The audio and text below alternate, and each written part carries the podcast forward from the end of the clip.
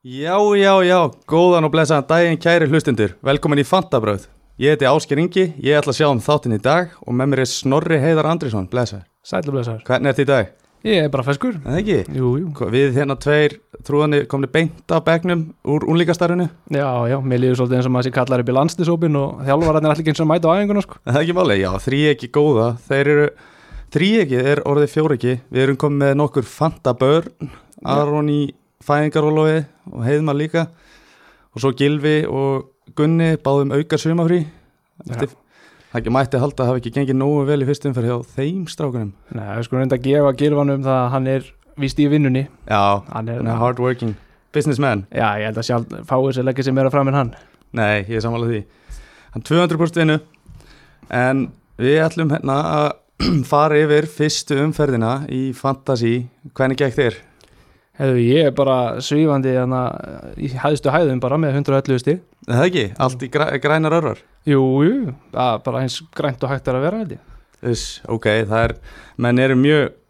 misjafnir, þetta er mikið að svona varians í, í fyrstu umferð og, en overall var þetta bara mjög skemmtileg helgi, gaman að fá einska boltan aftur Já, heldur betur. Það er bara, maður, er búinn að sak- maður fattaði bara hvað maður er búinn að sakna áhörundina, það var bara geggja að fá þá aftur, sko. Já, og þessar myndir af gamlu stöðnismennin hjá New- United komnir aftur og, Já, Og- einmitt. en það er hvað erum við að byrja? Ég meina, Við kannski, á ég kannski að kynna með það eins og segja, svona, eða það ekki? segja kannski frá mínu history Velkom Ég sem sagt hef verið að spila þetta í einhver átta ár en byrjaði að taka þessu svolítið alvarlega fyrir svona tveim árum og endaði fyrra í 11.000 sæti og 936 eða eitthvað Mhm. en maður bara í toppmálum Eða ekki? Jú, jú Og þú byrjar að taka þessu alveg fyrir tveimur árum, cirka Jú, Hefur spilað samt frá, frá því að byrja, maður stettið þér eða? já, bara frá því 2013-14 hann þegar maður var í hvað maður var í svona fyrstu ári mentu held ég Já,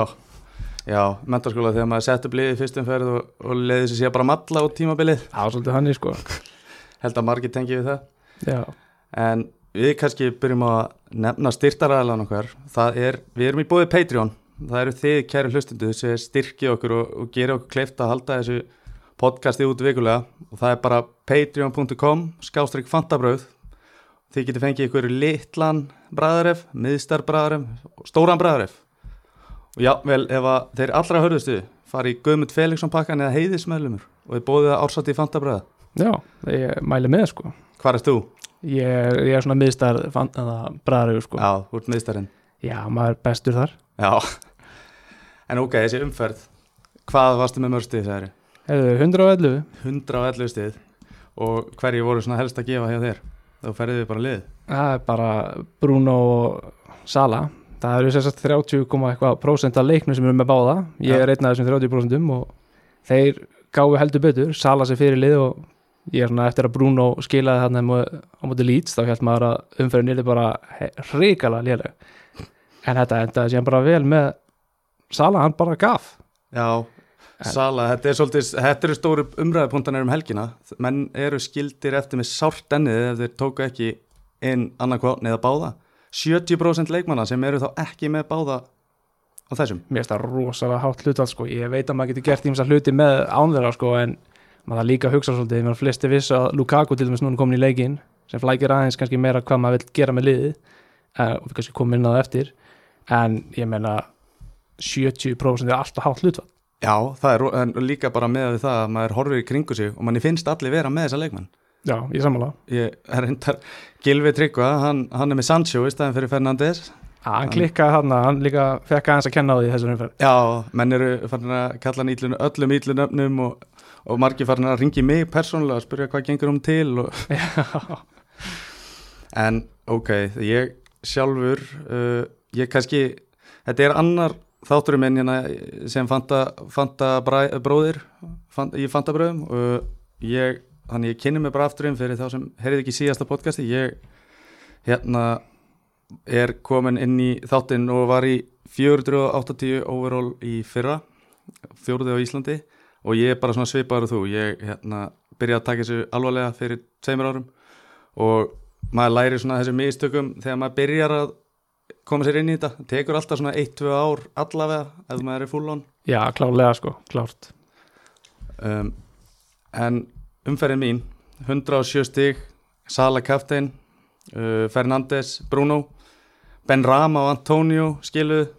Ings skilaði í viti undir lokin Jóta, þetta er, erum við ekki bara með sama lið það? nánast sko, ég er enda með Greenwood í stæðan fyrir Jota og sér er ég með bara Semigas, Shaw, Trent Alexander-Arnold Sanchez í markinu Já, annars er ég með alla sem þú nefndir og Tony í þokkabótt skilur já, já, template FC já, og það er svolítið þannig, 90% templatein á live FPL Já, einmitt Nákvæmlega, herruðu, uh, byrjum bara á fyrsta leik kannski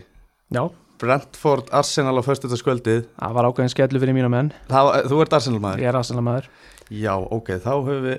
eigðu við ekstra miklu búri í þennan leik uh, Kannski bara byrjum á því hvernig leist þér á Arsenal, þína menn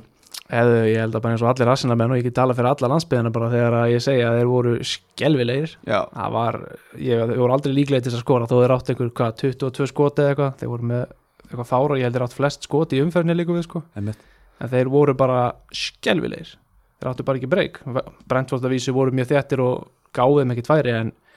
björtustu stjórnunar í Arsenal er náttúrulega bara Smith Rowe, Bukayo Saka sem byrjaði á bekknum um, síðan já það er voða lítið annað í gangi þannig held ég Já, umdild ákvörðin að byrja með Saka á bekknum Hvernig leist þér á byrjunlegið þegar þú svona sást það? mér er þetta spennandi Já, en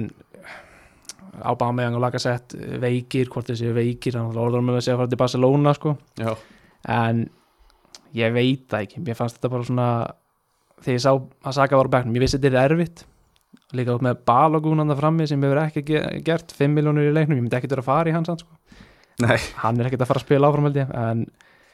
hann var í fyrsta byrjunleisleiknum sínum og það bara var, þetta var allt of stórt verkefni fyrir hann eh, mhm mm Þannig að, Já. Fantasí, mjög margir með Tony sem leikmann já, Það er svona kannski, ég held að vera örgulega verið, verið flestir með hann sem sagt, úr þessum leik Jú. Þrjá- 30% með Tony framherja Brentford, mhm hvernig leistur á hann? sko hann gerði ekki mikið fantasilega sér, hann átti svona Bruno assist þarna eins og Bruno gerði á móti fúlham, hann snertir ekki boltan og Einmitt. Ah, Bruno fekk assistið en Tony fekk það ekki, ég er bara smábyttur en hann ég, nei, nei, hann er, ég held að hann sé hann er rosalega mikið fyrir það sem Brentford er að reyna að gera ég hefði svolítið gerði kom- bara fekk hann ekki færi til þess að gera neitt fantasi til þess að skila en hann bara eins og ég segi, hann var bara mikið verið í uppspilinu og ég, bara þetta er aðal maðurinn í þessu liði hann er auðvitað að henn bara loka á hann sko Algjörlega, stór og sterkur og, og kannski er, eh, tók svona fyrir mínu ról í þessum leik allavega. Já, svolítið mikið sko, þegar maður horfir á hvað hann er að koma við boltaninn á vellinu þá er hann ei, sumum tilvikum bara inn á sín megin helming sko. Einmitt. Svolítið hann, en, en fantasílega séð á Kanos með hana mark og, og hirti öll bónustíðin Já, Hvað er hann á 5,5 hann er á 5-5 held ég miljónir? Já. Maður kann- er kannski ekkert að missa sig í fyrsta leik að fara að hoppa ykkur og svona gæja Nei, ég held að sko, það séu mistöngin sem flesti gera í byrjun þeir stökku alltaf fljótt á þessa gæja og þeir gera sér nekkert skilur ég meina Kanos, jú, jú, hann er frábær í skyndisóknunum en þegar, þegar þeir sem horfðu á leikin þeir sáu kannski að hann var bara í hæri bakverði líku við bara á móti Arsenal þegar Arsenal var í sókn þannig að hversu oft mun hann ná að r- bara rúla svona upp öllin og setja hann í netið, ég veit það ekki Nei, nákvæmlega. Uh, Kanski svona úr Arsenal, herbúðum Arsenal er hérna Tierney, hann, hann er nokkuð spennandi. Já, hann er, hann er helsta óknin hjá Arsenal því miður er vinstri bakurinn besti sóknumann í liðinu, það er bara hann var alltaf að fara hana upp og komin á tegin og hann mun vera svona út, út tíumbil held ég sko en hvort að mann treysti Arsenal vörninni, það er spurning Það er spenning. Uh, sérstaklega eins og margir með Ben White. Uh, hann svona leitt ekkert eitthvað sérstaklega vel út í fyrsta leik. Nei, hann er búin að líta vel út á prísísón en hann einhvern veginn, ég veit ekki hvort að hann hafi fengið einhverja taugar hann eða hvað það var hann alltaf hann að, já, hann bara klikkaði svolítið hann því miður Já, því mér. En það er kannski ekki, það, það er ekki nöðsinn að panika eftir fyrstum ferð. Uh, Tierney fer svona, það það er allavega sáleikmaður sem fer á watchlistana mér og hérna ég ætla að fylgjast með kannski næstu tvei leikir, Chelsea og, og City mm Arsenal. Maður er ekki að fara að taka nein, neina mennin alveg strax. Nei, ég myndi býða eins, ég, Mhm. en í fjórðu umferð þá eiga er rosalega þægilegt prógram, þeir fara á móti Norwich og hvað er það, Brighton og eitthvað? Já, Burnley og, og jú, Tottenham, Já, þeir eiga hann eitthvað rönn þar sem að Brighton. tóttina með langar erfiðasti leikur, já, bara Já. langarast. en þeir eru náttúrulega í, þegar það er norður lundunarslagan, þá veit maður aldrei hvað getur gæst. Nei, klálega En það er hérna Já, þannig að maður kannski hérna býður aðeins og sér með þetta Arsenal uh, eitthvað meira á þessu leik, ég held ekki Ná. Nei, ekki sérstætt, bara kannski Pinnok hérna sem að stóð sér gríðarlega vel í vörninni hjá Brentford, hann sérstætt átti eh, stóðsendingu um, hann var að spila hvað, ég held hann hafi verið vinstri bakur í þessu leik, ég er ekki alveg Já. viss en 4,5 miljónir gæti verið eitthvað valjú þar, ég veit ég er ekki alveg viss, ég myndi býð og sjá með þetta Brentford liðaðins Þetta er svolítið með þess að 4,5 miljón krónar varnamenn mm, og 4 miljón krónar, þeir stóðu sér margi hverju vel Já, og já. illa í dag en ég er ekki að fara að skipta Ben White út núna fyrir Pinnock sem, Nei. þú veist, Þetta er kannski ekki fórgangsskiptingin, þú kannski Nei. býður og sér og sér hverju halda sætinu, hverju halda áfram og að delivera og svona, við erum bara aðeins að, ég myndi aðeins vera bara að þóla með þið. algjörlega Næsti leikur kannski bara Manu Leeds, það er svona þetta, þetta stærsta sem að allir er eiginlega að tala um það er eiginlega bara eitt orð, Bruno Það er bara eina, eina vitið í þessum leik er að vera með Bruno, ef þú ert ekki með Bruno, þá veit ég ekki alveg hvað þú ert að gera. Nei, nákvæmlega, margi sem að eru núna að fara að taka mínus fjóra og mínus átta til að koma hann um inn hvað, hvað ráðleikur eru þeim Ég, ég myndi sleppa því, ég myndi býða aðeins með það, allir að þeir, sko, þeir eiga sáðandurinn næstum, fyrir ég veit að það er rosalega óþægilega tilfinning að vera ekki með Bruno, en þið stiltu liðin ykkar upp á þennan hátt af einhver ástæðu, það var hugsun á baku það, það hljóta allir að hafa verið með einhverja hugsun á baku hvernig þið stiltu liðin upp og þá myndi ég bara aðeins býða og sjá, ég meina ef þú ert ekki með Bruno þá ertu vantala með Sancho eða þú ert með Greenwood, Sancho byrjaði á bekknu núna en hann gæti byrja næsta leik, Solskjær er rosalega hrifin á hann Algjörlega, algjörlega, en svo hérna, þetta er eiginlega bara Bruno og Sala um, maður er það eru margir að spurja á því Pogba mm -hmm. fjögur að sýst, rosalega góður en að spila er svolítið svona vinstra megin í þessu leik Já, maður veit náttúrulega ekkert hvernig þetta verður í framhaldinu þegar að, þegar að hérna, Cavani kemur tilbaka geta fært grín út á kantinn og hvað segir þú? sko ég, Pogba er típa leikmanni sem hann lukkar að þú veist alveg hvað hann getur þetta er frábær leikmaður en er hann fantasy leikmaður, ég veit það ekki hann, Nei. ég menna hann sk- fjögur að sýst, hann fekk þrjú í fyrra held ég Já, og yfir allt, allt sísoni já, ég var allt sísoni, þannig að ég er þetta gæi sem þú ert að fara að sjá delivera bara, er hann að fara að delivera svona út í amblið nei, svarið, stuttu svarið er nei Nei, en ég meina, sér náttúrulega ef að Óli heldur áfram að spila honum í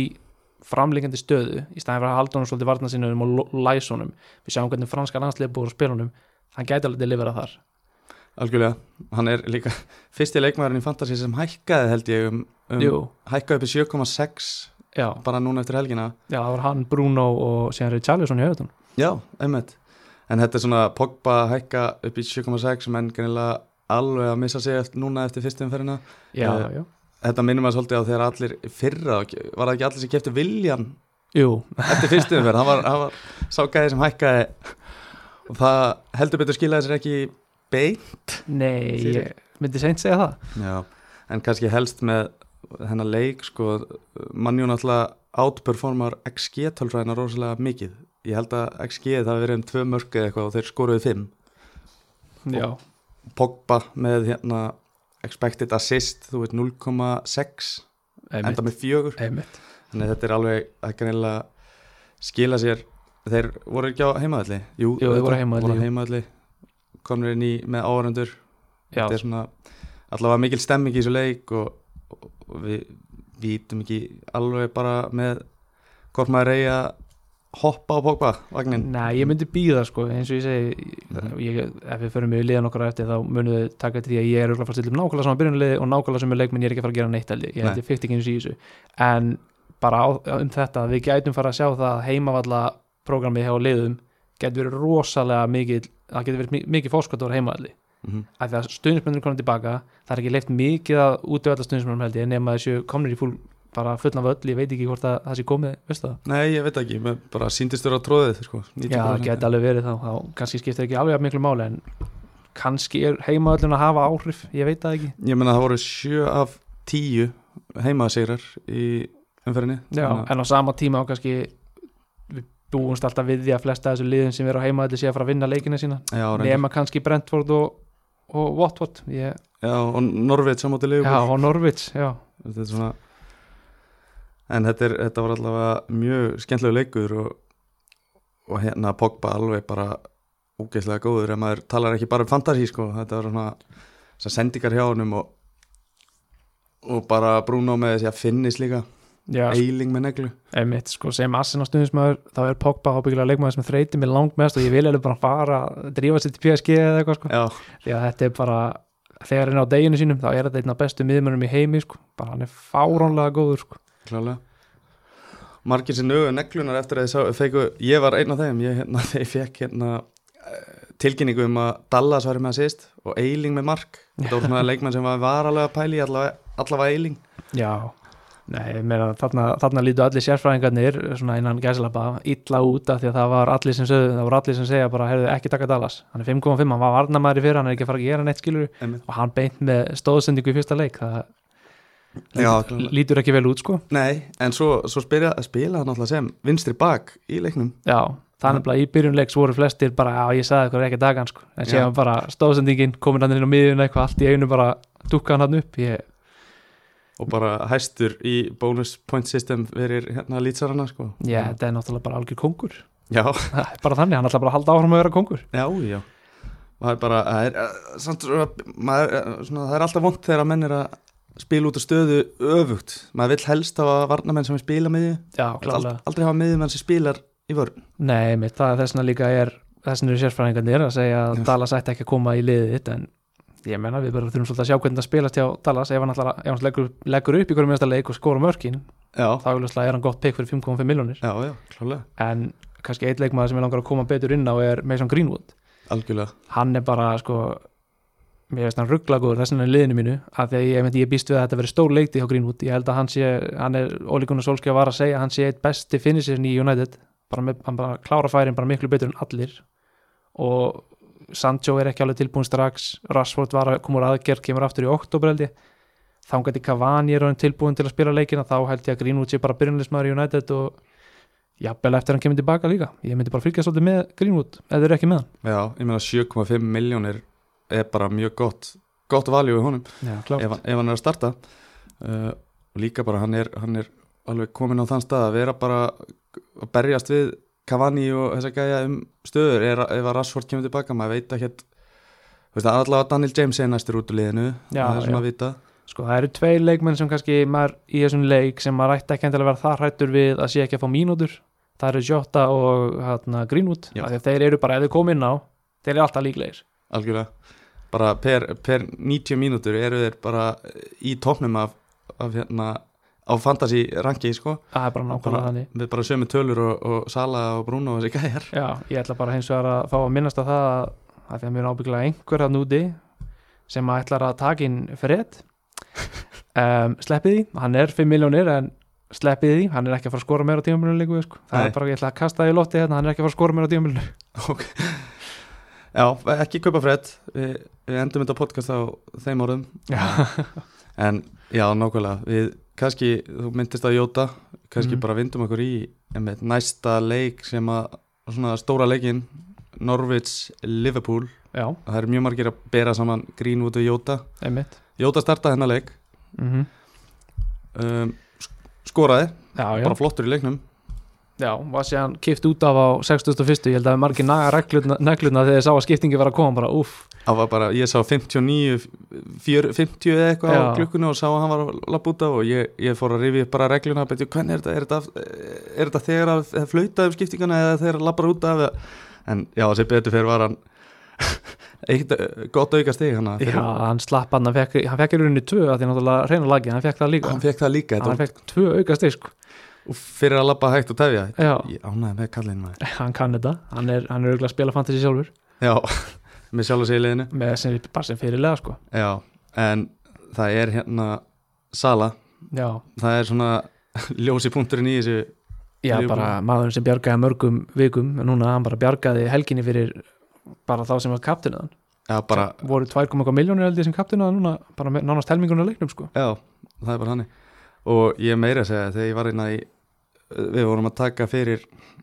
síðast, í síðasta þetti já, þá, þá skauti ég á mönnum að ef þeir þorðu þá var ég trippulkaftin á sala í fyrstum ferð hann var alltaf svo lit Já, einmitt, það var mjög gott Ég hugsaði alveg út í það, bara komaði bara að klára þetta sko Já, En ég, ég, ég hef ekki, ég hef ekki kúlunar í þetta nei, nei, nei sama hér, maður vill ekki alveg eðilega sísunni strax Nei, En- en hann takkaði tröstið fyrir, fyrir þá diggu hlustendur eins og og Aron okkar, okkar Já. einsanni, Fanta bróðir Þetta bara græjaði hans bara helgiði mitt Já, já, það er bara þvílíkt að vera, þvílíkt gott að vera bara búið með þetta Já, já, ég, Aron er bara fyrir stöðu núna hann er bara getur farið kampakátur inn í fæðingálofi bara Já, fekk sér kaffið sík og Slaka slaka þess á Þarf ekki að bæla í þessu Nei, en já, Sala með tvö assist, eitt mark fyrir mínu kemur inn á Já og, og setur eitt mm það er svona það sem að flestir eru sem eru með Jóta þeir eru hrætti við þetta fyrir mínu og Jóta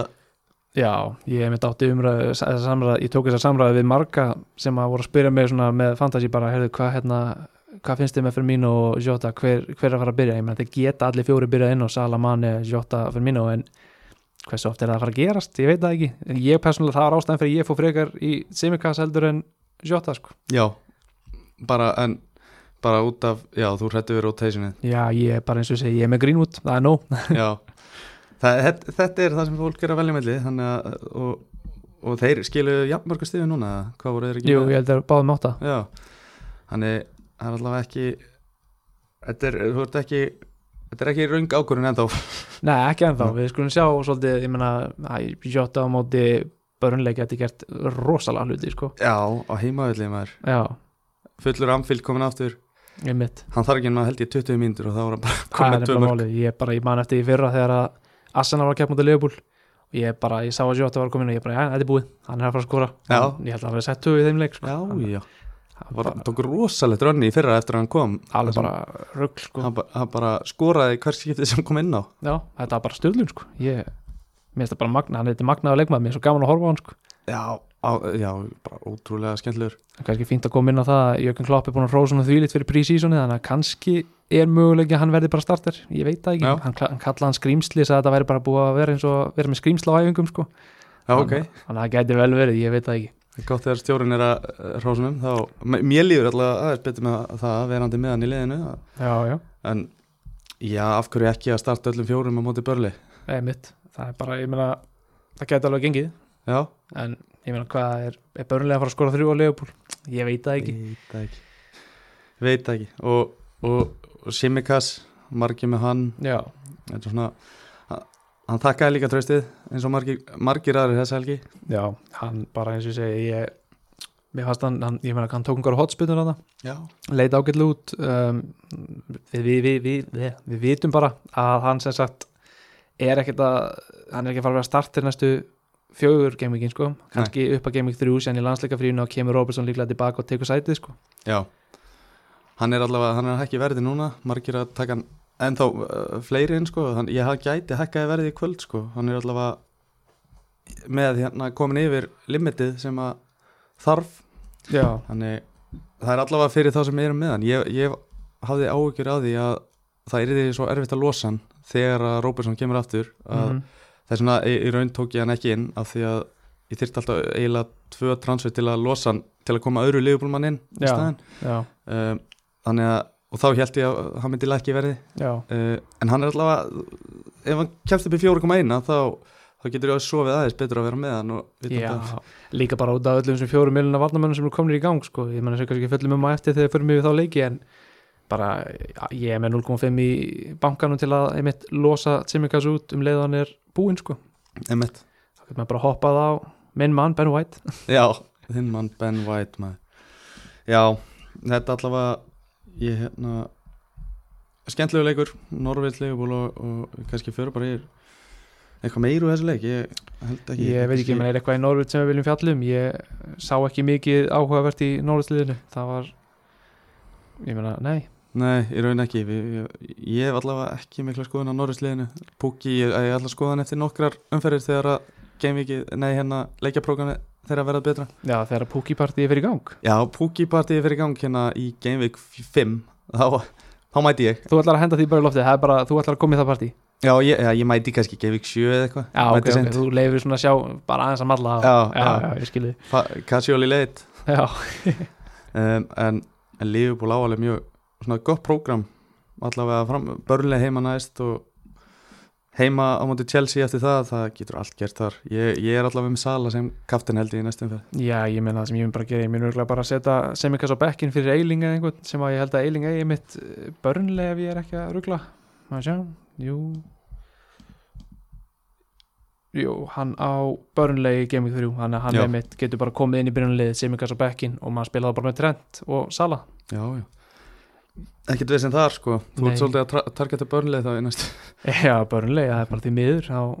Chris Wood og félagar þeir lendi í líði held ég, Gilvi þarf að fara að heyri í Chris Wood fá, fá hann í gang já, ég held að já, en þá kannski bara svona næsti leikur Chelsea Crystal Palace já, menn voru mikið að hérna, ræða Chelsea uh, byrjunlið margt sem koma óvart Já, ég meina, ég sá einmitt viðtal við hann sem vann þetta í fyrra, vann fantasi í fyrra ég með minnir að hann hafi sett Alonso í liðið sitt, já, bara út af þessu leik að því hann sagði bara, Chilwell er ekki að fara að byrja hann leik Alonso kemur bara inn og hann er bara mitt pönd ert ekki að grínast og hann bara 15 stig bara beint fyrir meistarann sko. svona, uh, uh, bara hvernig verður maður svona góður í fantasi ég Það var- bara, veit það ekki, það er bara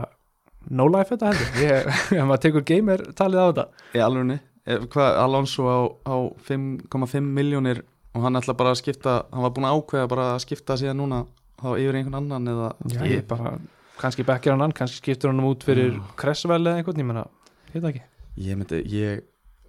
það, var- hann var aldrei til umræð, Marcos Alonso Nei, ég Ég- meina þetta kom bara allt í einu upp í þessu Þetta eina, eini maður sem ég svo tala um hann var hann Já,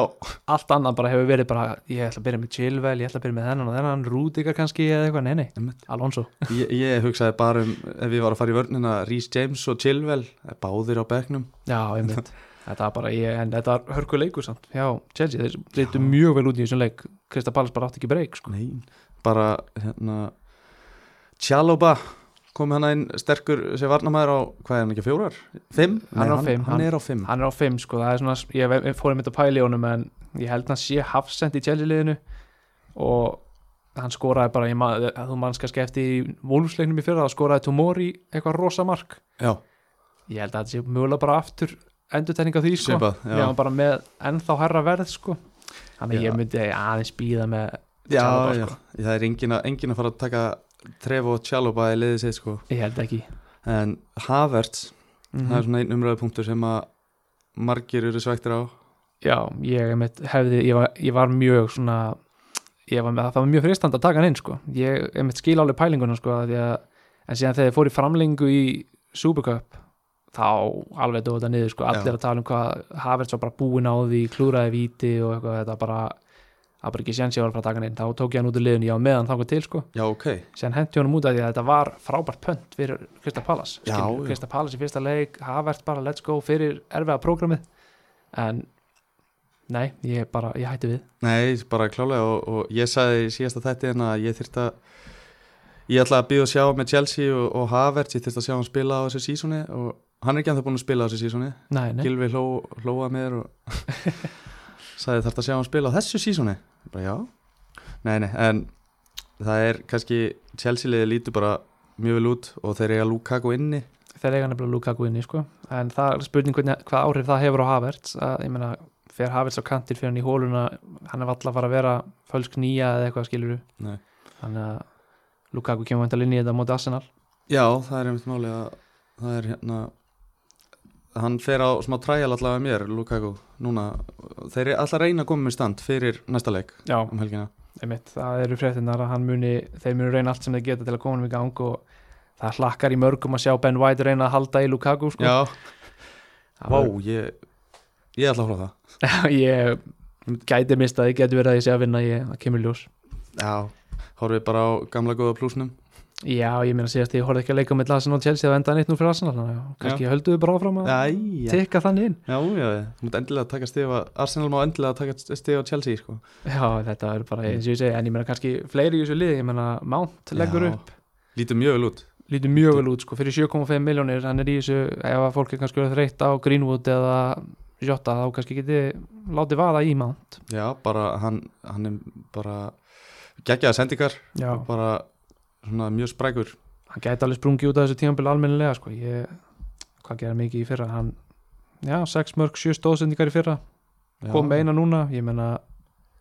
ég myndi kannski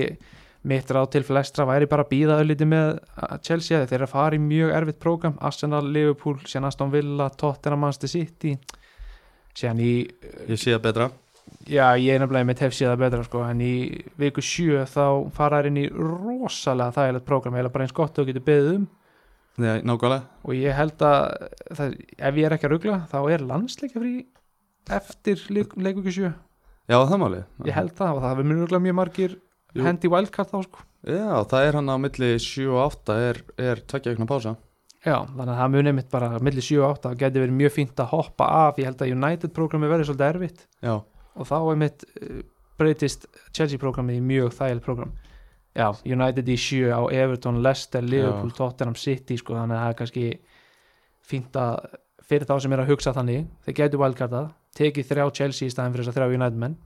stökkva, að stökkva borði og já Stokk- stökkva af Fernandes og yfir á Lukaku þetta getur bara verið akkurat Þess, það var eiginlega mjög margir sem gera þetta Já, um, Crystal Palace Saha Eitthvað þann það er litur ríka leitt lút sko. Mm. Já. ég, Patrik Vera bara hann á verk fyrir höndum sko. ég, því miður ég eins mikið og ég fíla gallin sem aðsalamaður sko. þá kannski gauta, ég veit það ekki Já, tekur ekkit við endilega best, besta liðinu En þeir eru Já, ég, ég hef eiginlega voða litla skoðun á Crystal Palace líka sem, þú veist, ég Nei, ég ætla ekki meina- að fara að kaupa neitt þar eða skoða neitt fyrir en eh, kannski eð- einhver gerir eitthvað að viti Já, ég meina við höfum, það hafa allir hoppað á Saha-vagnin já, já, já, ég myndi bara eins og ég segi, býða og sjá með hann bara hvort að hann sé að fara að gera eitthvað í, núna skilur ég, ef hann ætlar í eitthvað betra lið þá kannski þetta sísonu til þess skora 11 mörki fyrra, fjóra stóðsendingar fyrir 7 miljónir ég meina, tekur ekki frekar Harry Barnes eða Rafinha fyrir 6,5 eða eitthvað, ég meina, það er svo mikið að valmöguleikum í þessu, Præsi, sko. margir góður, góður miðumenn sem er hægt að taka í staðin sko. já alltaf sama með Saha sko. ef hann ætlar í starra liði þá það er nefnilega verðum nákvæmlega ennþá að segja þetta eftir tíu ára held ég þannig. já, ég held að ángríns, bara ángríns hann er nefnilega hætt í þessu liði, sko, Já. en Mun- mun ennþá kosta 7 miljonir í Crystal Palace eftir tíu ára, bara 30, 40 ára eða eitthvað Einmitt, sko. ég, síðan, ég meina, síðan var maður að reyna að fylgjast með það því að maður er mikið að pæla í framverunum þessum ódýru framverunum, já, kannski aðalega Watford sem hafa eitthvað að bjóða þar en mitt það er bara, Mateta byrjaði hjá þeim 5.5 hjá Kristapalas en ég myndi frekar held ég láta vaða í einhvern 5 miljónar Watford framveruna ef að við erum að pæla ef pælingin er komið þangað sko. já, klálega Ben Tegel eitthvað ekki sjá sig þarna í byrjuleginu kom hann eitthvað að Já, sögu má ég sjá. hann, hann var nú, jú, hann kom inn á hann að 57. Já, ég myndi kannski hann bara stíu clear Já, einmitt, hann var, hann var samt gott valjú í fyrra, Hann undir var- lókin Já, ég, ég, bara, ég myndi þangað til að hann er búin að vinna inn trösti á vera Já. sem hann augljóslega greinlega ekki með sko. þá Nei. myndi ég bara láta hann eiga sig sko. Já, klálega Það er hérna ekki mikið held ég meira þennan leik að segja, maður veit aldrei með þetta byrjunlega hjá Chelsea bara, það er svona Já. aðalega það Já, það er mjög mikið nefnilega með Pep rúletan og síðan er það eh, Tuchel hérna rúletan líka Já. þetta er svona ég myndi held ég bara að láta þetta eiga sig sjá aðeins bara hvaða leikminn eru svolítið neldir í liðinu og ég myndi bara svolítið, já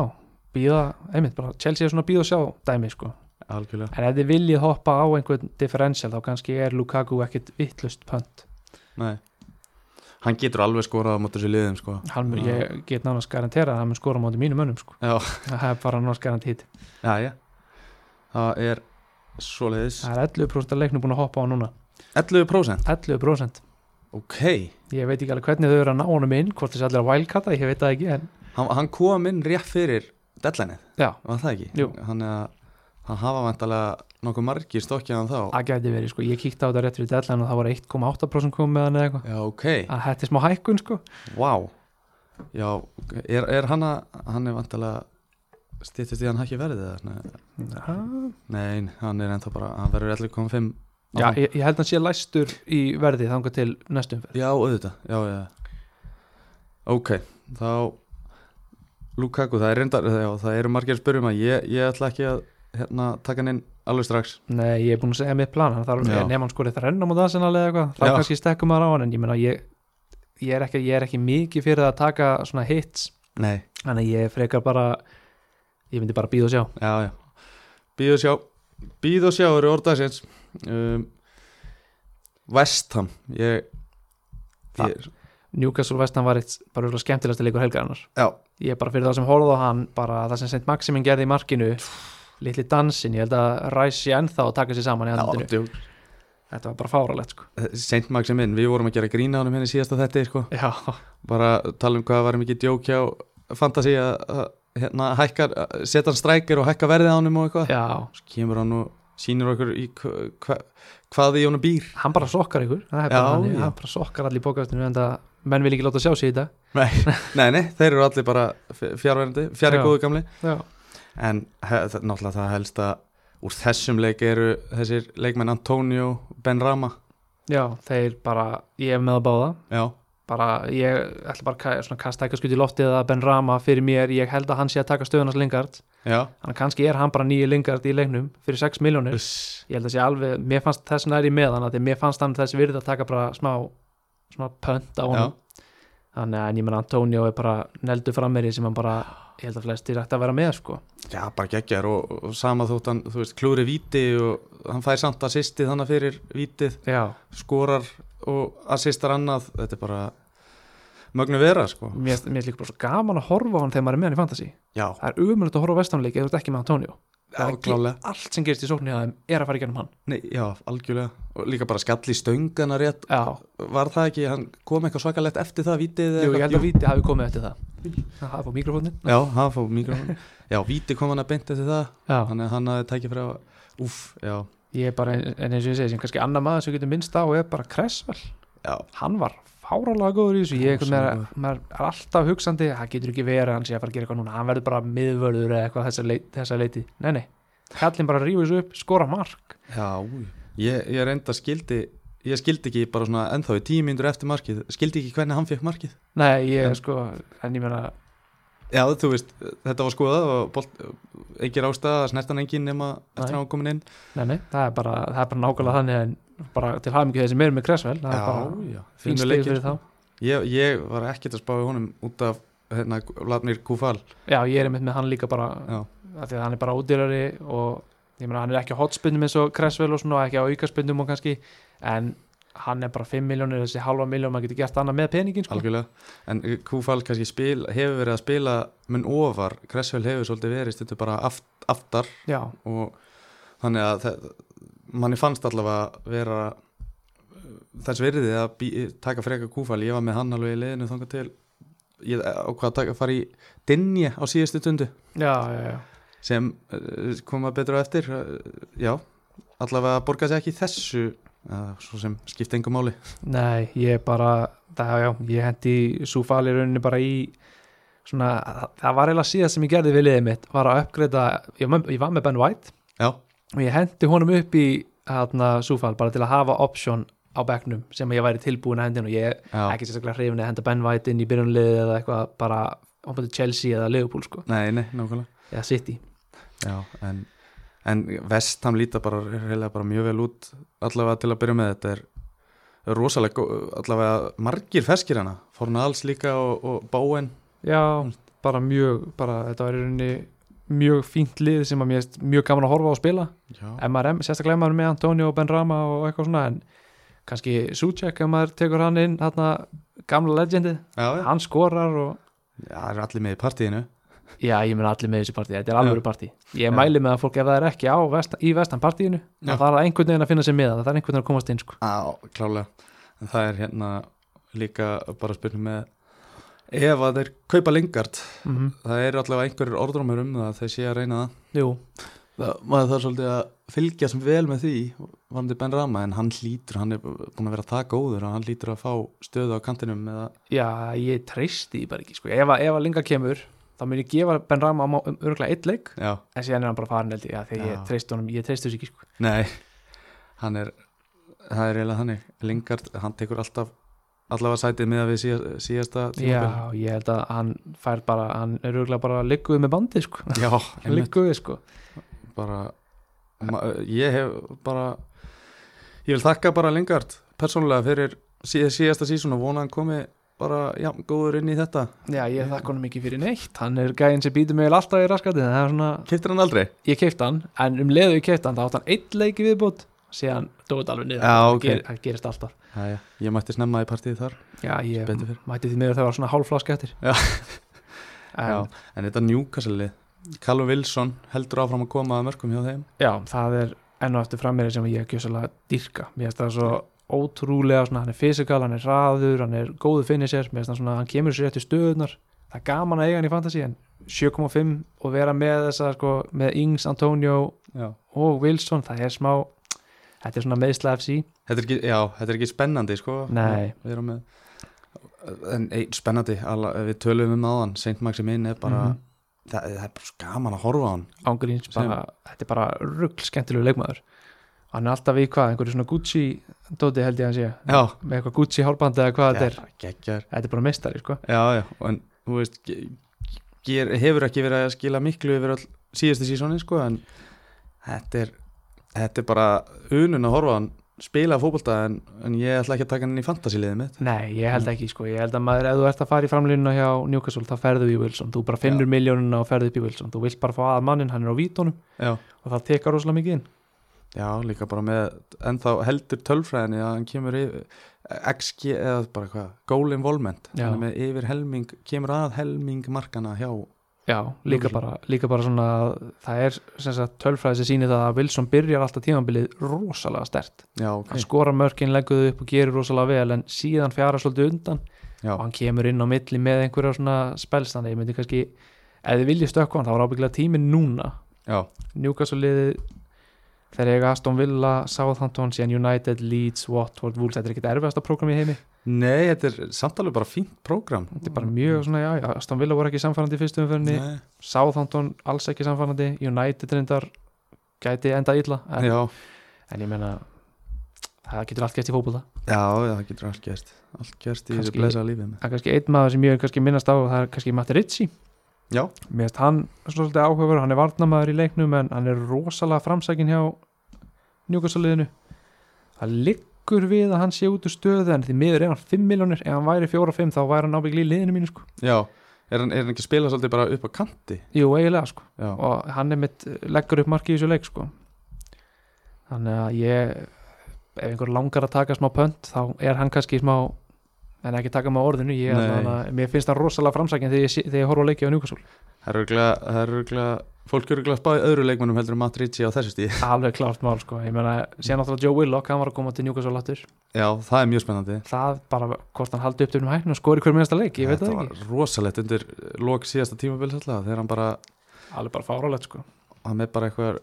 átta mörki átta leikjum eða síðustu leikjum já, þetta var bara, þetta var bara styrlun sko, já, plakka til að vera sjá það gerast aftur já aðsennamaðurinn er mér að, svona jákvæmt hún eitthvað, súrsætt, hans er farinn já, hann, hann, hann var seldur eða ekki jú, fyrir 25 miljónir, þannig að þetta er Já, svona Ah, ok. góðu peningur, en ef hann er að fara að gera það sem hann gerði í fyrra, þá er þetta ekki góðu peningur þá er þetta bara, þá hefði Nei. hann átt að halda hann sko já, eða þannig um, já, þessi leikur bara maður sjá, við erum heldur bara búin að kofera flest allt hana um, Spurs City Spurs City, það var Mm. mjög, sko, það var eitt stykki mjög áhugaverulegur alveg ótrúlega bara með sko, náttúrulega Son virðist vera aðmaður en ég personulega bara áðurnu, á, bara áðurnu fyrir minni leikinn sjálfan Harry Kane, ég held að hann sé að fara til City, já, ok, þú heldur það ég meina að halda að flestir þeir komu líka að við horfðu á völlin þá kom það fram þar, ég held að þessi Glenn Huddle eða hvað hann heitir hann Já. hann sagði að hún finnst allt rosalega spes líka að Harry Kane er bara fagmaður Já. ég held að hann sé ekki til slæmi formi sko nei, ég held nei, nei, að þetta sé bara afsökun sem bæði lið samþýttu og síðan fer hann bara til City einhvern tímann í vikunni og ok Ég, ég held að ég sem getur vel verið að sé villust Ætli það sé ekki bara gott fyrir svona?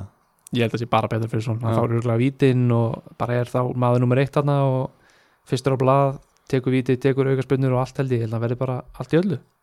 Bara að lítu vel út líka með Lukas Móra og Deli Alli allt í hennu mættur hann aftur. já, ég meina þetta er bara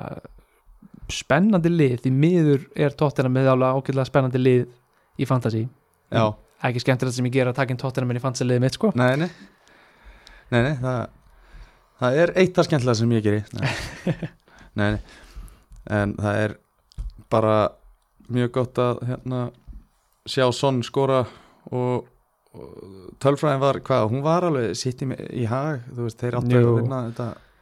til löðulega, voru með 80% possession. já, ég meina er þetta ekki bara klassíst svona Nuno, Espirito Santo lið sko Jú, bara liggja svolítið tilbaka, svolítið þjættir fá ekki á sig mark, skora sér bara í skyndisókn og allt í góðu, nákvæmlega. en ég meina hvað fæstum við Jack um Grealish Jack Reelis, hann var ferskur hann var feskur sko, hann Já. var næstu búin að fiska vítið hann í byrjun hann bara rétt fyrir utan tegin Já, alveg, rétt, það var auka, já, endaði aukarsminna já, en ég meina allavega fylgist vel með honum sko. þetta er allavega uh, bara so, so far so good já, svona- ég, ég meina fyrir 8 miljónir þá er þetta alveg vist, þetta er svona vist sjátt já, já, bara, en ég meina jú, hvað, hann var með hann var einn af betri leikmönnum hann var bara hann var alveg besti leikmöður sitt í hann hann og, og Cancelo já, félagarnir mm. um, Ríad Mares já, ha,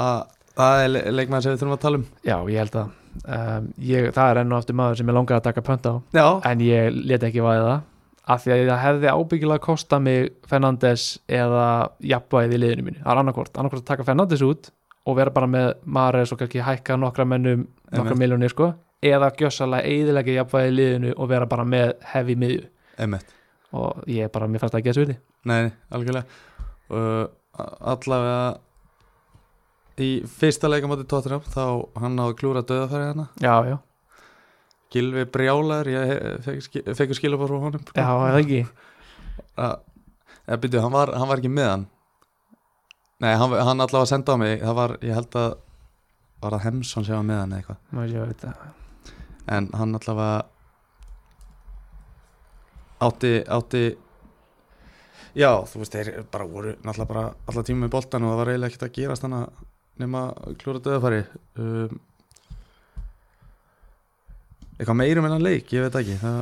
nei, sko, bara kannski bara fyrir þá, sem- sigur fyrir þá sem eru með Mares þá er kannski best bara að haldun Já. þetta er eiga Norvits í næstu umferð sama með Gundogan og allt þetta, ég er reyndar Gundogan meðist á öxl, já, það getur verið eitthvað sem að fólk þarf aðeins að skoða, hvort það fari 0.5 upp í grílis eða ég myndi bara fylgja svolítið með fréttunum þar en ég menna, ef þið eru með sittimenn haldið þeim, þeir eiga Norvits í næstu umferð já það gæti verið gaman í því partíi sko. það gæti verið mjög gaman í því partí og ég, því miður held ég að ég verð ekki magos með þangað ekki, nei, nei, ekki neinn sýtti maður Nei það er en það, eins og við endur tökum aftur sko, þú veist, menn sem tók einn Maris í fyrst, fyrstu umferð, þeir horfða á hann að Norrisleik, e Mhm. Já. ekki fara að taka hann út núna Nei, Það er bara, og, og allir sitt í kannir það,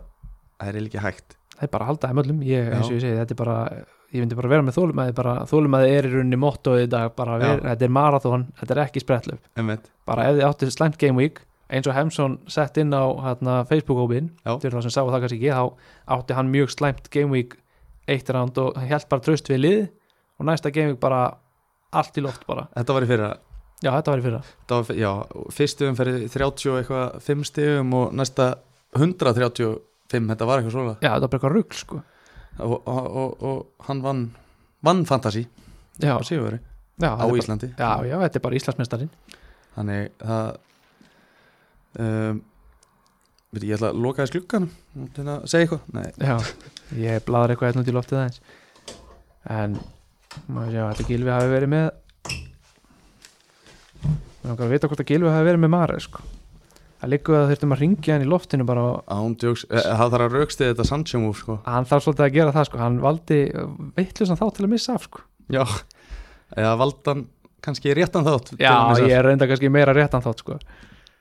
Maður séu- Jú, hann er með Maris Hann er með Maris, já hann er með Mares sko. hann er með sem sagt, eh, Sanchez, Tsimikas, Díaz Alexander Arnold, Shaw Mares, Sancho, Sala, Barnes Ings og Antonio Hann fór í sömu pælingur og þú ákast að gera ekki Já, hann, beis, hann eiginlega tók bara liðið sem ég ætlaði sem hefði verið svona svolítið pönt í liðið mitt þannig að það er Slefti Fernandes og, og, og hækkaði var með meira jafnvægi eða svona já, tók kannski þingri miðju bara yfir hins lottin sko Mhm, þannig að en það skila hann hvað, 77 punktum já, þannig að hann fyrir svona allt, í- ven, venjulega væri þetta rosalega góð byrjun já, en einhvern veginn allir er að eiga eitthvað 100 stiga game week og eitthvað, þannig að Já. allt fyrir neðan 100 virkar einhvern veginn svo von já einmitt, nei, í 77 bara, þetta er bara sterk byrjun myndi ég að segja þetta er nefnilega mjög sterk byrjun í fyrra og ég held ég að vera með 67 eða eitthvað ég man Já. ekki, ég var ekki með það hátt sko þannig að í venjulega væri þetta rosalega gott og þetta- ég menn þetta er yfir hana, meðaltalinu Já, já, hvað, meðaltali 65 eða eitthvað Já, þannig að Gilvi kannski á að á að geta sparka ofast í rassin á sig fyrir þetta Nei, nei, nei, það er bara áfram gakk sko Já, um en kannski, já, ég glemdum að minnast það áðan Ben Rama, hann var eitthvað tæpur undir til lokin í vestamleiknum já Já, var hann það? hann var eitthvað haldrati Ég hef það eitthvað að mista því en já, hann er alltaf ekki orðin gulur en þá í leiknum nei, kannski er ég eitthvað að bylla hann var alltaf, nei, hann var eitthvað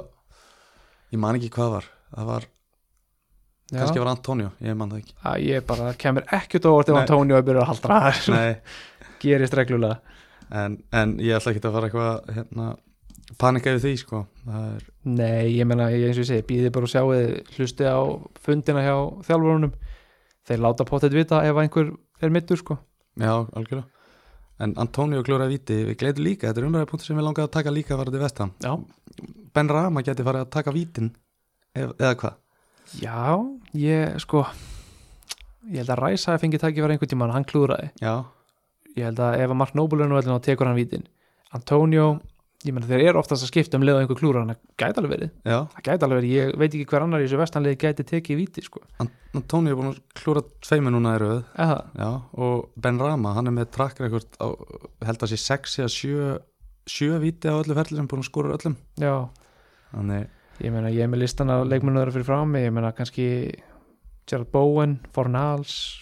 mér, mér finnst einhvern veginn engin líklari heldur en Ben Rama, Mm. þetta er einhvern veginn þetta er alveg gott sjátt, hann gæti, gæti vel verið að hann taki bara næsta víti, sko. ég sá hérna í uh, undirbúinistíðanbylnu þá, þá þegar að þeir fegu víti, þá fór hann að boltanum og tók, tók upp boltan á hann var það ekki deklar rætt sem að tók sig að boltan á honum mann það ekki, Jú, það gæti verið, sko. Held að- ég Ég, er nokkuð vissum það þannig þetta er, er skemmtilegt já, gaman þetta er að skemmtilegt eiga, eiga hann Já, þetta er skemmtilegt, svona skemmtilegt aðsett Já, klálega um, Meirur sem Tottenham City leik ég held ekki Kane er bara uh, veit ekki hvað er um hann Ég meina, ef hann fyrir til sitt, ég ætla að taka hann ég enda potið þetta á að taka hann já, maður gæti verið með Lukaku og hérna, Kane og ben, Fernandes og bara Sala bara, taka bara þá fjóra og svo bara fjóra miljón grónar menn með þeim já, ég er bara, top, bara leikurinn búinn já, já þá ertu búin að vinna leikin Já, já, ef, ef að Kane fyrir City þá gæti ég þurft að taka velkætið fljótlega eftir það Já, ég meina það er náttúrulega vinsælustu dagsetningar til að taka þetta er í rauninni eftir Gaming 3 þá kemur landslíkjalið Mhm. og síðan eftir leikugu 7 þá kemur annar landslíkjalið þannig að það er kannski svona það sem fólk er að hugsa sko. Já, klálega En herru, keirum þetta ekki á hvað eru svona, við erum búin að fara í svona mest mest spennandi leikina, kannski hérna Lester Wolves, mm Vordi en það kongurinn Já, var tíðan þá kongurinn átti mark sem var dre- hann tekið tilbaka og því hann var rángstæður og síðan skoraði hann bara þannig að hann er ennþá allt í öllu Já, já, bara og uh, menn eru búin að sofa á honum svolítið hann, Við vorum satt að fara í þetta á hann 6,5% með hann Já, það er alveg 16,1% meðan hann er bara mjög hátt eignarhutvall sem kemur mjög óvart en myndi ég stökka á hann, ég veit það ekki mér finnst eh, þetta er sérstaklega ekki að því að Lukaku komin í leikin Já, finnur ekki bara eina miljónu viðbútt tekur Lukaku emitt ég held að það sé svolítið erfitt að réttlæta það að hafa varði í liðinu nema prógramið hann sé bara eitthvað, einhver snild Nei, emitt, ég meina að- að- það er engin, engin snild prógram með hann sko, þú veist. neða það kemur alltaf einn og einn leikurinn á milli sem Já. eðilegur þetta sko Já, nokkulega það er alltaf hérna bara West Ham og síðan bara Norwich en síðan kemur City, síðan kemur Brighton Já. Burnley, Crystal Palace, síðan United þetta er svona Einmitt. alltaf einn og einn sem svona skemmir flæðið og er geggja að vera með bara tvöð frí transfers í viku til að geta Já. hendanum inn og út og leiðin eitthvað en Nei, hann grýst mjög líka bara skemmtileg pæling sem ég heyrði einu sinni frá einum svona sérfræðingina gæsalaba, þar sem hann vildi meina bara hvað við mættum bara alltaf velja nýtlið bara alltaf með Já. valkart í hverju einustu umferð já, það er þetta það væri gaman en maður ætti örugglega ekkert líf fyrir utan fantasí sko. Nei, nákvæmlega Eh, Þetta er bara, núna er, er liðið mitt bara ég ætla að láta það malla sko og- og ef ég var að pæla í nýju liðið þá var ég 24-7 í þessu, þessu Já. maður sé ekki nógu mikið í þessu nú þegar Nei, einmitt, ég er alveg sammálaðar það sko Ta- Takið þrjá sitt í með núna á móti Norvits og án án gríns, maður myndi bara hendi í- já, bara nákvæmlega maður myndi Já. hendi í Mares og maður myndi hendi í mögulega Jesus eða einhvern skilur maður myndi hendi í einhverja svona Já. spicy gæja sko. en já, kannski hérna Hóever Wúls, hann er fjóra, fjóra miljonar grónum maður sem var að starta og er mjög mikið á þannig gæðum það var nefnilega mjög mikið af þeim sko. og mér finnst Hóver, hann er svona hann er í samkjörnum við Semedo mm Mhm. hvort að hann verði valinn fram með Semedo í framhaldi, ég veit það ekki, ég held að Semedo hafi verið eitthvað tæpur ég held að þess að hann hafi Já. að spila, en ég veit ekki hvort hann hafi átt slæman leik eða góðan leik svona, ég held að hann hafi bara átt fínan leik Já. en við erum bara að sjá til Samanskapið Amarti í hérna í Lester, Já. fjóra miljonar grónum maður ég myndi kannski ekki láta að þeir voru að kaupa vestigard sko. Emmett, þannig að ég kannski myndi sleppa honum í bili já, ég er með hann þú ert með hann, Já, ég meina hann er fínt svona bekkjafóður sko. Já, ég er hans að trættur um að hann er með 16% eignar hlutvall já, og um, um leið og hérna hann er hættur að spila þá er ég ansar hættur um að hann fara að lækki verði Já, ég menna, ég, það er maður sem er að spila hjá Sáðhandón, Livramento Já, sem að ég held að gæti verið næsta stóra þingið í fantasy, sko já, ég held að hann bara sé að fara að negla niður sætið sitt að vísu er hann að keppa við Kyle Walker Peters en getur kannski komið inn á hann á eftir en þú gæti mögulega stokkið þangað já, klálega Við kannski það er ekkert meir úr þessu lestir vúlsleik sem að Nei, við þurfum að ræða en við kannski bara Harvey Barnes, Já, Harvey Barnes hann er bara svo margi með hann en hann bara, ég myndi bara sína þólumæði þar, hann, hann á þessa leikvíkur þar sem hann tekur 1, 2 stig, 3 stig en sér á hann leikvíkur þar sem hann tekur 13, 14, 15, 16 sko, Já, bara algjörlega þetta er bara þólumæði Hann er mjög hátt svona hátt þak já, allavega, klálega maður vill vera með þannig gæja í liðinu sinu já, Já, en já, við fórum yfir í hérna Sáþándó kannski, já, yfir að Mentó er, hann er að fara á vegg með Dallas og Lúmstram og sem gæjum, gæti farið að sjá það ég hef trú að því að það muni gera sko. ég held að hann muni negla niður sætið, hann átti líka mjög góðan leik Mhm. svona miðað við það að töpuðu þrjú eitt þá voru fólk hrósað honum og sagði að hann væri bara rosalega góður sko, leit vel út þannig að ég get alveg sér fyrir mér að ég muni stökkva hann þegar að Simikas dótiði búið sko. Já, bara allavega hann fer beint á watchlistan sko Mhm. En Everton, ég meina Richarlison, það er ekki svona sá, sá punktur sem við þurfum að taka jú, Hvað ég næst? held það sko. hann náttúrulega hækkaði núna, hann er 7,6 Já, og ég persónulega held að Richarlison, að því að þetta er bara mín tilfinning fyrir þessu, ég held að hann gæti verið betri heldur en Carvet Lewin að þessa leiti já ok, þú ert þar ég bara, eins og ég segi, ég bara, mér finnst hann alltaf hann lítur alltaf vel út, hann var sjóðandi heitu fyrir Brasilíu í sumar, þegar hann var hvað, olimpíuleikunum eða ekki, Jú, já, hann var sjóðandi heitu þar og bara ég, og þetta er ekki bara byggt af því að hann var í þessari fyrstu umferð að gera vel, ég held bara hreinlega að hann gæti orðið baneitraður, Já. en hann hefur sínt þetta áður og hann hefur feilað, þannig að við vitum ekki, nei, maður er nefnilega sko ég myndi, Þetta- ég myndi kannski gefa honum 2-3 leiki til að sjá hvort hann geti se- bara verið svolítið reglulega að skila 11 stigum eða 6-7 stigum En ég meina Carlvett Lúen sýnir ennþá sitt, sitt raunverulega allir skorar alltaf, hann er alltaf með eitthvað bara eitt, le- eitt marki leik og já, þú veist, skilur alltaf sínu já, en mér skil ekki fyrir 8 miljónir ég veit það ekki, hann, að, að, ég var heil lengi með hann en ég sleppti honum bara því að mér finnst 8 miljónir full mikið fyrir hann með það að hann býður oftast bara upp á eitt mark Já, hann, er svona, hann og Danny Ings eru svipar þar til að þeir bjóða bara upp á eitt mark á og til og kannski bónusti já en kannski það eina svo vilt, ég veit það ekki Já, ég, ég man í fyrra að Carlvett Lúen, hann var alltaf með nýju stig já, Minni mig, ég Já. var bara, var bara nýju stig, nýju stig einmitt, einu, ein- einu, svona, einu sinni 15 mm Mhm. -hmm. bara s- bónustinn pluss markið uh, það var allavega að vantaði ekki svona mm, það var, mi, voru miklu umræður í gangi með sköpun, sköpunagleina hjá Evertón, já þú veist, það vantaði ekki upp á það, þannig séð sko. Nei, mér finnst þetta, ég meina þeir spiluðu vel að vísa á móti sáðan sem margir vilja meina að séu fallkandidata sko já, um, þannig að kannski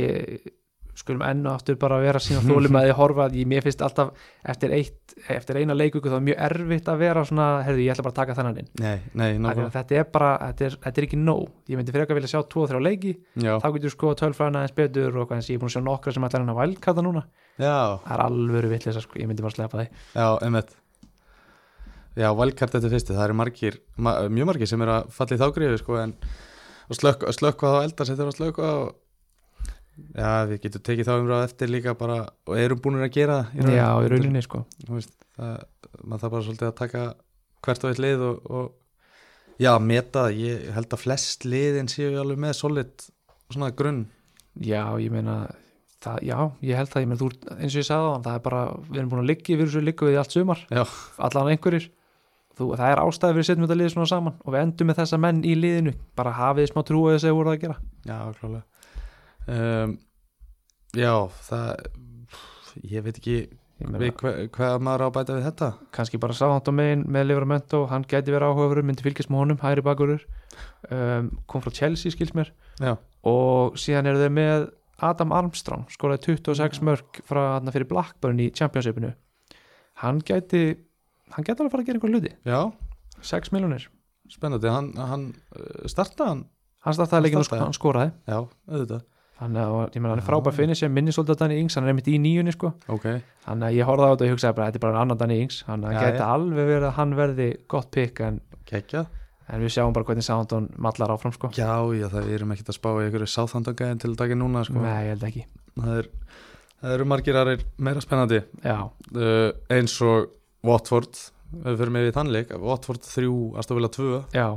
Watford skelltu, Astovilla það byrjast engi við þessu held ég Nei. það voru allir einhvern veginn, það voru margir að tala um triple up á Aston Villa, það voru einhverjir sem taka Martínez inn, einhverjir sem taka bara Ings og Buendía svona double up í sókninni Já. sko ég bara, ég bjóst ekki við þessu Nei, en um leið og ég sá að Watford voru byrjar að delivera hana, þá hætti ég strax í þennan leik ég bara hætti að horfa á Chelsea leikinni, hætti að horfa á allt annað ég bara byrjaði að fókusa á þennan já, Þegar einmitt þetta var ábyggla áhugaverðasti leikurinn upp á fantasíakera Já, bara klálega við erum, við erum að sjá líka mjög góð eins og myndist að áðan, bara Dennis, 5 miljonar krónar strækir já, Dennis de Menes, gera vel, já, að gera vel já, hann gerir gríðarlega vel en hann mittist Já, þetta er alltaf svona þegar maður svona, ég hef með það nýbúin að senda á Gilva bara yes, 5 miljónar frammeiri maður getur kannski að fara að pæli 3-5-2 hann í wildcardinu sínu eða eitthvað einmitt nei, nei, Nei, þá einmitt. meiðist hann 75% Já. hérna, sem sagt, uh, chance of playing já, ég myndi bara,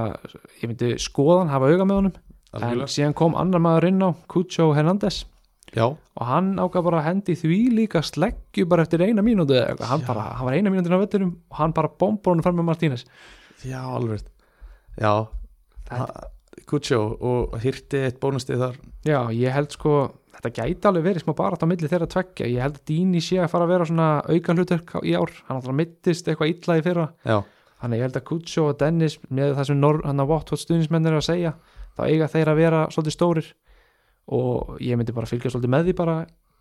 ég meina Votor, hvað þeir eru bara komin with a bang á móti, ég meina Astor Villa það er, við erum að, ta vorum að tala um að í síðast að þetta er bara spennandi verkefni í gangi þar og þeir eru með spennandi lið og um, Buendía margin að forðast forðast hann hérna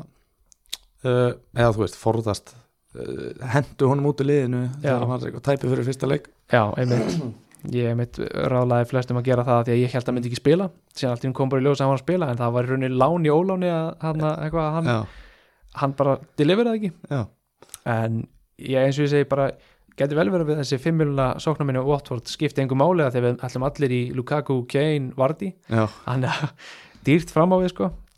en ég mæla allan með að fólk hafi auga með Dennis og Kucho Ismaili Assar setti líka eitt það er alvöru skemmtilegu leikmaður til að vera með í fantasy maður. Úf, hann á, hann á þetta inni að geta svona deliverað einmitt bara með einu marki, fæ nýju stig algjörlega þetta er aðal maður nýju þessi liði bara skrítið hans ekki komin í United eða Liverpool nákvæmlega. eða eitthvað sko Var hann ekki orðað við Leifubóli fyrra? Jú, og United líka heldur. United líka, já. Já, bara hann er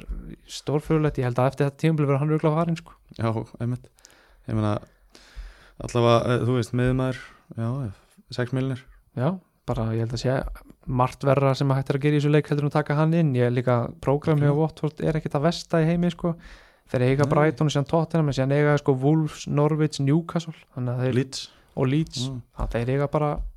fínt prógram sko Já, þannig að ég mæla alveg með að fólk taki allan að svona, hafi auga með Watford liðinu, kannski skoða það í næstum fyrir að sjá hvernig þeir stillu upp og aðeins að pæli í því, svona, já, pæli mönnum klálega. Síðasti leikurinn, Burnley Brighton, kannski sá leikur sem við eðum fæstum orðum í. Já, eða? ég held að þátturinn sem bara búinn Nei, nei, nei um,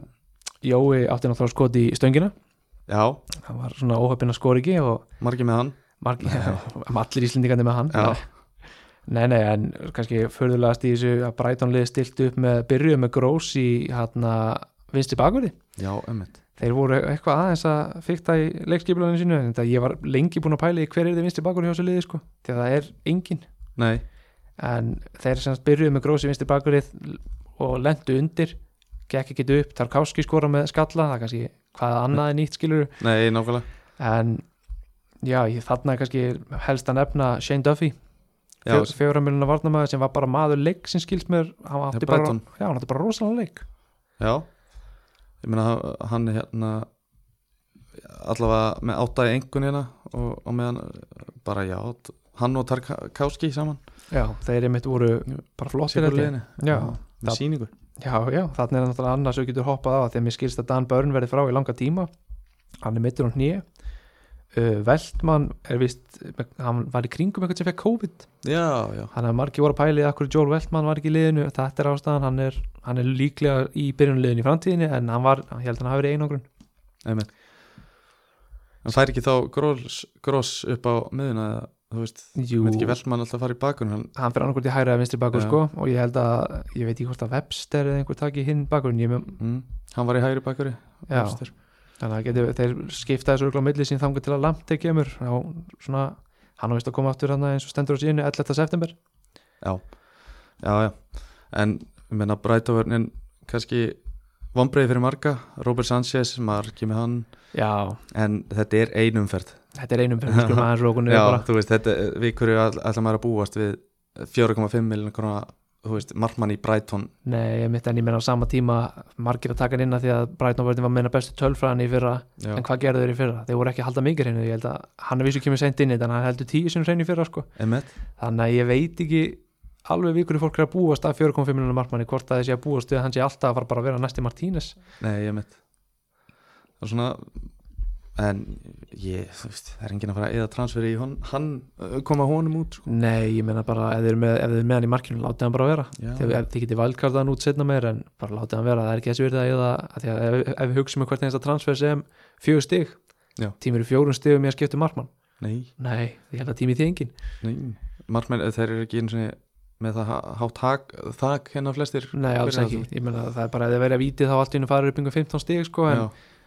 ég meina þetta gerist kannski einu sinni í hverjum 10 12 leikjum sko já, nákvæmlega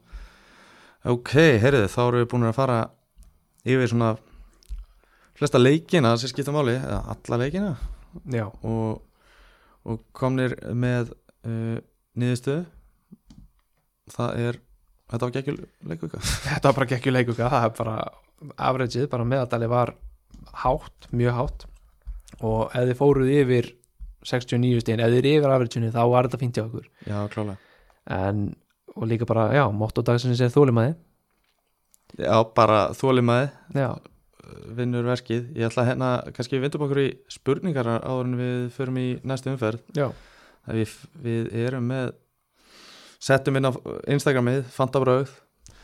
uh, það eru maður sjá jú það eru margir að bara Lukaku hérna eru margir að spyrja við erum búnir að fara í það erun já, um, Lukaku taka strax býðið til Gaming 3 eða sleppa Þú veist, er- býðið til Gaming nei 6 sorry Lukaku taka strax býðið til Gaming 6 eða sleppa býðið til Game Week 6 held Já. ég nefn hann byrji bara að láta rigna sko, ef hann rignir í mörkunum og sýstónum og sé bara að hann er bara kongurinn þá tekur hann náttúrulega inn Þú veist, það, það, það, þú þarft að reyðla svolítið vel í liðinu þínu til að koma um inn já, ef þú ert með Mares eða einhver þannig þá getur þú droppa honum út, ekki fyrir Norrisleikin samt Nei, en bara ef hann byrjar að rigna þá getur þú hent Maris út tekið bara mín í valkart bara eftir næstu game week hent Lukaku inn, Mhm. Maris út einhver annar framir út og það er bara svona að reyna að rótira þess einhvern veginn, já, reyna bara að búið ro til penning roll the transfer bara, Já. já. Um, já, Pogba, margir að spyrja um Pogba við erum búin að fara við það líka Já. ég, ég sé það ekki gera svona lengi hann, nema þetta sé uh, já, Nei, ég held að það sé best að láta hann svolítið bara vera í bili, bara sjá hvernig hann þróast algjörlega um,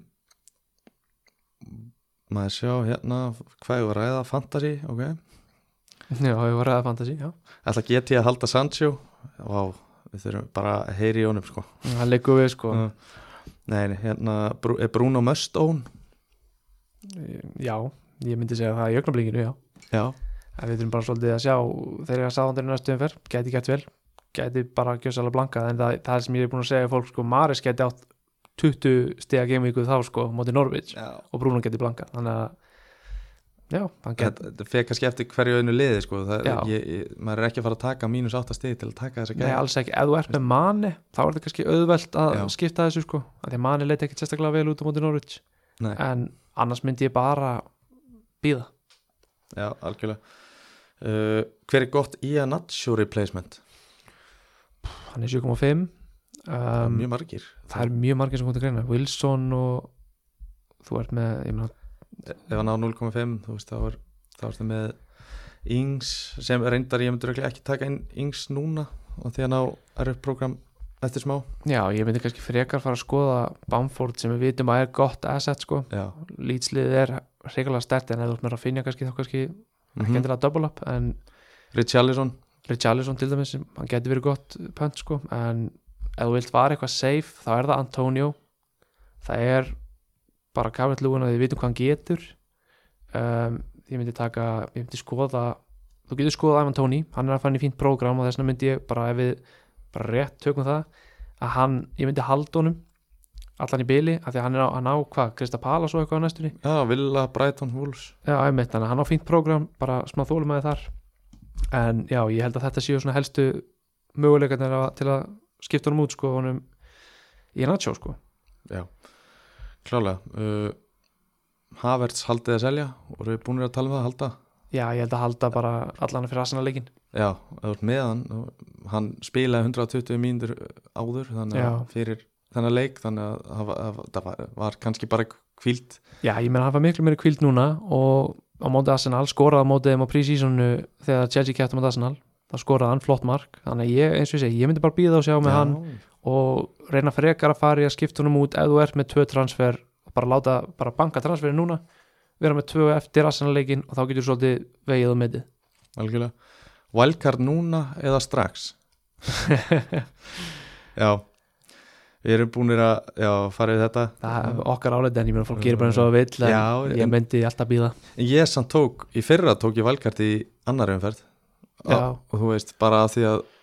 eða ég tók að þri, fyrir þess að þriðju og Já. þegar þá kom landsleika hreja Einmitt. nýtti það í að svona, taka inn gæja sem voru að hækka og Já. byggja upp team value Já, ég, mér finnst það nefnilega ekkert endilega vitlega sko að þú vilt byggja upp tímaljú, það getur alveg skila sér vel þegar Mhm. þá getur eins og núna er rosalega mikið ef að Kane fætti sitt í, þá ertu með fjóra heavy hittar svona premium leikmenn sem þú vilt fá hann í liðið þitt. Já. þá geta alveg mega sens að valkata snemma að reyna að fá valjúið upp til þess að koma með öllum inn algjörlega en sjá Game Week 2 þú veist það er hérna já bara valkart núna eða strax fyrir til liðinu Já, það er rosalega til liðinu hérna band, já, bandið á Sala eða Bruno í næstum þar uh, Ég verð með það á Sala já, af því að ég held að hann að koma aftur á Anfield með alla stuðnismennina með sér, ég held að geta alveg kveikt í honum sko mhm. Brúna á útöfellamóti Southampton lítið vel út það lítur alltaf vel út sko. það er, og ég held að United muni vinna þann leik örgulega 3-4-0 sko. já, já. og Bruno úti, hérna, ég held að úti á móti sáþandu var að meira sér með en okkur í fyrra já, þetta var þarna þegar Cavani kom inn á og já, og hann átti eitthvað inspirational það ekki, það var svona supersub moment emmett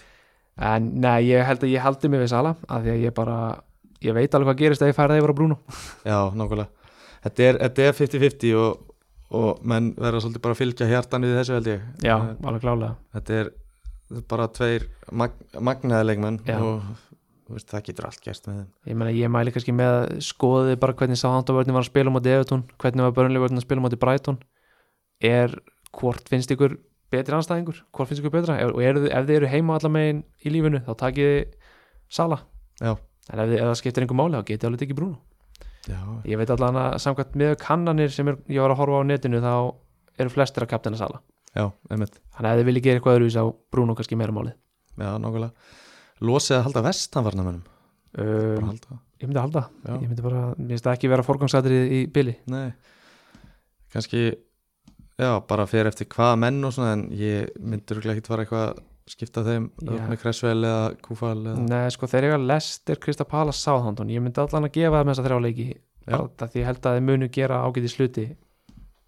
þannig að ég myndi bara býða og halda þeim uh, Við erum búin að fara yfir svona nokkuð, já, Vestekar komið til Lester Amarty out og þá replacements Við erum búin að fara yfir það líka þetta er allt Ma,